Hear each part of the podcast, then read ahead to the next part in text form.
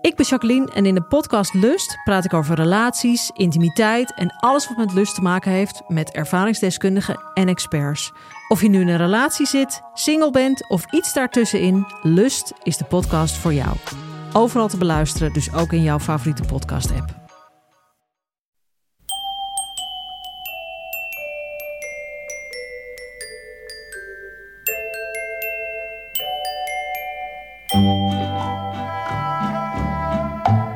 Welkom bij aflevering 447 van Echt Gebeurd. De podcast waarin mensen hun eigen waargebeurde verhalen vertellen. In deze aflevering een verhaal dat Felicia van Roermond afgelopen zondag vertelde tijdens een verhalenmiddag rond het thema heimelijke liefde.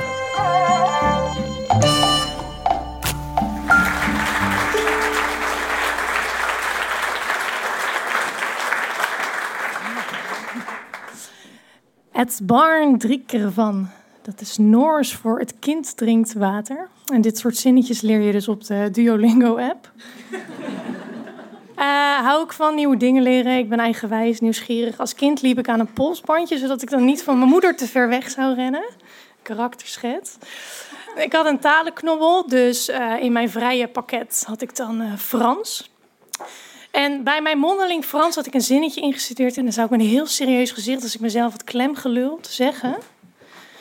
Uh, un moment. Je cherche le mot qu'il faut. Ik zoek het woord wat past. En die docenten die trapten erin, want die keken naar mij en die dachten... Zo, die meid die denkt gewoon in het Frans. Très bien, acht.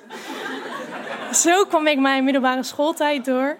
Latijn had ik ook, omdat ik wist dat ik geneeskunde wilde studeren. En ik heb mijzelf uh, laten geloven door oude ooms en tantes dat je dan uh, gymnasium moet doen. Dus ik dacht, ik moet gymnasium doen, want ik wil geneeskunde studeren. Latijn, nou prima, daar hoef je ook niet te spreken. Um, ik heb een vijf gehaald voor mijn eindexamen toen. Want ik had het net iets te druk met allemaal andere leuke dingen. Ik had een vriendje, ik zat op hockey, ik speelde gitaar, gitaar in een bandje. Zoveel leuke dingen om te doen. en toen uh, mocht ik studeren, geneeskunde, Rotterdam. Dat was rond uh, 2010. Ik vond het een heel mooie studie, maar ik dacht wel... Volgens mij lever ik best wel veel van mijn mensheid in, van mijn tijd, voor mijn vele passies. Dus ik ga wel even in de gaten houden hoe dit gaat werken. De kooschappen breken aan. Nou, ik was sowieso dus een van de zesjescultuur, als je dat dan niet door had. En de kooschappen waren eigenlijk gewoon toneelspelen, waar ik dus ook goed in blijk te zijn.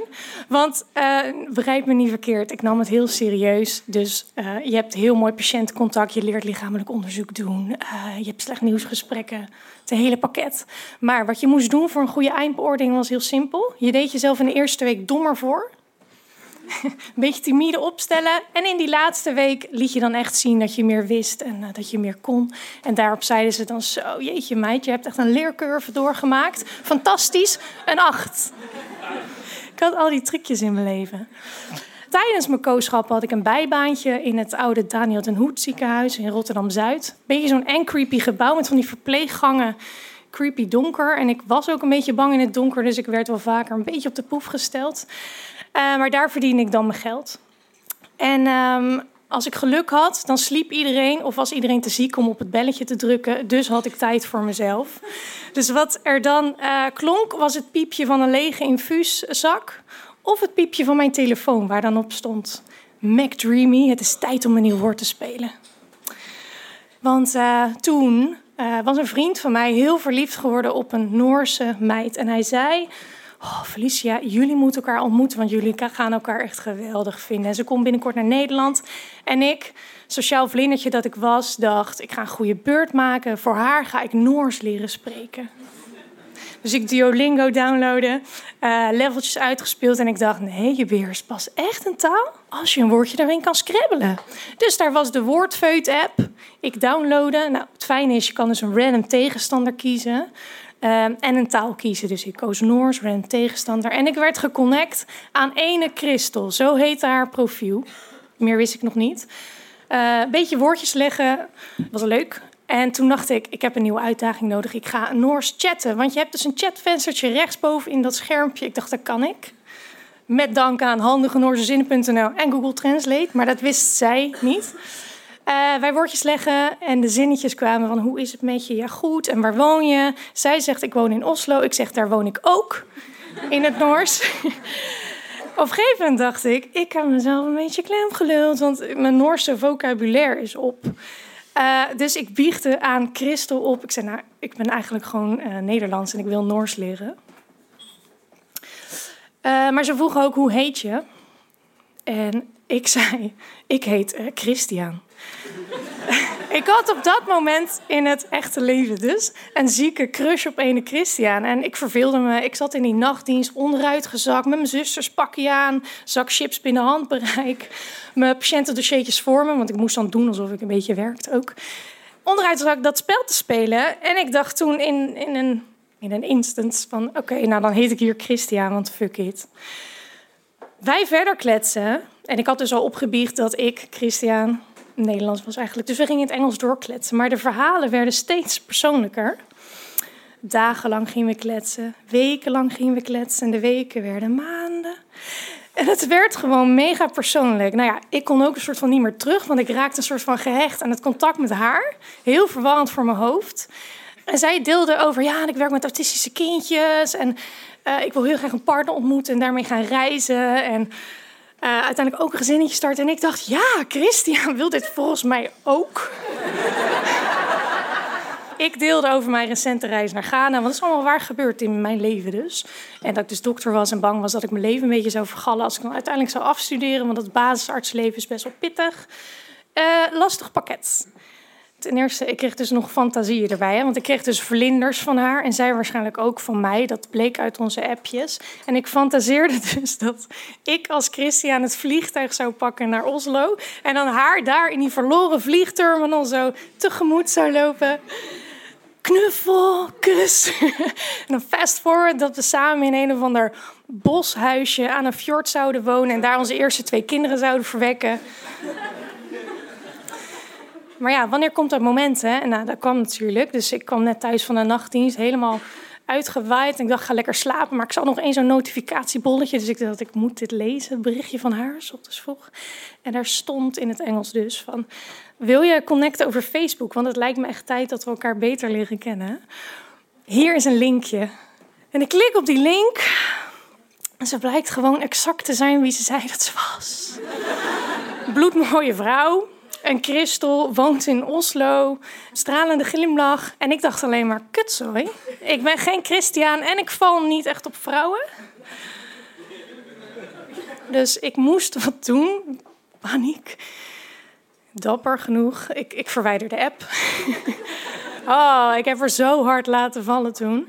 Ik heb me natuurlijk heel schuldig gevoeld, buikpijn, alles. En ik dacht, ik kan ook niet bij vrienden aankloppen hey, uh, Lot, ik heb even een ingewikkelde catfish-situatie op Woordfeut. Wat moet ik doen? Nee, en ik had dus ook MTV Catfish gezien heel vaak. En ik dacht, dat zijn altijd zo sneuwe types. dat ben ik niet. Uh, ik besloot het te laten en ik zat echt heel vaak te duimen. Christel, alsjeblieft, hopelijk vind jij de liefde van je leven. En vergeet jij mij, Christian. Nou, het leven gaat door. Uh, ruim tien jaar later, waar ik nu ben, ik ben dus niet als arts aan het werk gegaan, maar als zelfstandig ondernemer. Al die passies die ik heb, die stop ik gewoon nu in al mijn werkprojecten. Ik ben onder andere uh, iemand die mensen in relaties en liefde en intimiteit coacht. ik vertel mensen dagelijks, wekelijks hoe belangrijk het is om transparant te zijn in je relatie. En hoe belangrijk het is om eerlijk te zijn naar elkaar, maar vooral ook naar jezelf. En um, ja, toen ik dat laatst vertelde, zag ik het hoofd van Christel voor me. En ik dacht, nu moet ik er volgens mij wat mee. Maar is het nou heel leem als ik ruim tien jaar na dato Christel ga opzoeken? Want ik weet haar naam natuurlijk nog. Is het leem? Nee, ik moet het doen. Ik kreeg het niet meer uit mijn hoofd, dus ik heb er aangeschreven. En ik heb echt... Uh, best wel veel zinnen eraan gewijd. Want ik dacht, ik doe het in één keer goed. Christel heel zenuwachtig, want die las... hey, kan ik je iets vertellen? Jij kent me niet. En die dacht dat ik een rare confession zou doen. Deed ik dus ook. ik zei, hey, sorry, we hebben elkaar ontmoet op Woordfeut. En uh, dit ging heel per ongeluk, dit point of no return. Ik was dus Christia, maar ik heb nooit tegen je gelogen. Ik bedoel het echt goed.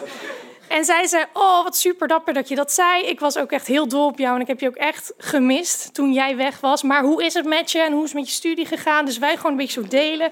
En hier was het mooie. Zij vertelde dat zij uh, inmiddels acht jaar lang al samen is met een soulmate en heel gelukkig is. En ze zei, oh, ik heb de liefde gevonden en ik hoop jij ook. En zo sloten we dat gesprek af. Dus dat kon ik later, dat was mijn ghost from the past. Um, en die vriendin, de reden waarom ik dus Noors ben gaan leren, die is uiteindelijk naar Nederland verhuisd. Ze zijn samen gaan wonen. Groot succesverhaal. Wij zijn vet goede vriendinnen geworden. Zij spreekt vloeiend Nederlands. Ik spreek geen woord meer in het Noors, maar soms kijk ik haar aan met zo'n jolige blik. En dan weet zij al wat er komt en dan zeg ik: Zie, het barn drie van.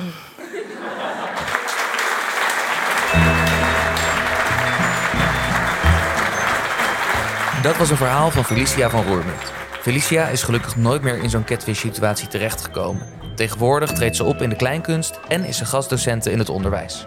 Echt gebeurd is een maandelijkse verhalenmiddag in Comedy Club Toemler in Amsterdam. Komende maandag 26 februari dan begint de kaartverkoop voor onze volgende editie die plaatsvindt op zondag 17 maart. En het thema is dan de wet. Als jij een goed waar gebeurd verhaal hebt dat op de een of andere manier iets met de wet te maken heeft, dan nodigen we jou van harte uit om dat verhaal bij ons te pluggen via het reactieformulier op www.echtgebeurd.net. En als je daar dan toch bent, kijk direct eventjes naar de andere thema's van de komende edities. Bijvoorbeeld op 21 april, dan is het thema broers en zussen. En op 15 mei, dan is het thema de kans van je leven. Alleen staan we dan niet in Toemler, maar in Koninklijk Theater Carré. Ja, ja, om te vieren dat we 15 jaar bestaan. Nou, alsof dat nog niet genoeg feest is, staan we in mei ook gewoon nog een keer in Toemler. En wel op zondag de 26e. En het thema van die middag is verloren. We sluiten dit seizoen af met de editie in juni op zondag 16 juni. En het thema is dan Voor het Geld. Heb je nou bij een van deze thema's een mooi verhaal? Stuur ons dan een beknopte versie van dat verhaal. En als het ons geschikt lijkt, dan neemt iemand uit onze redactie contact met je op.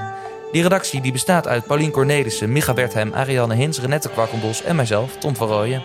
De directie doet Hanna Ebbingen en de zaaltechniek van deze aflevering werd gedaan door Jasper van Oorschot. Het verzorgen van deze podcast is in de altijd veilige handen van Gijsbert van der Wal. Dit was aflevering 447. Tot volgende week. En vergeet ondertussen niet: het kind drinkt water.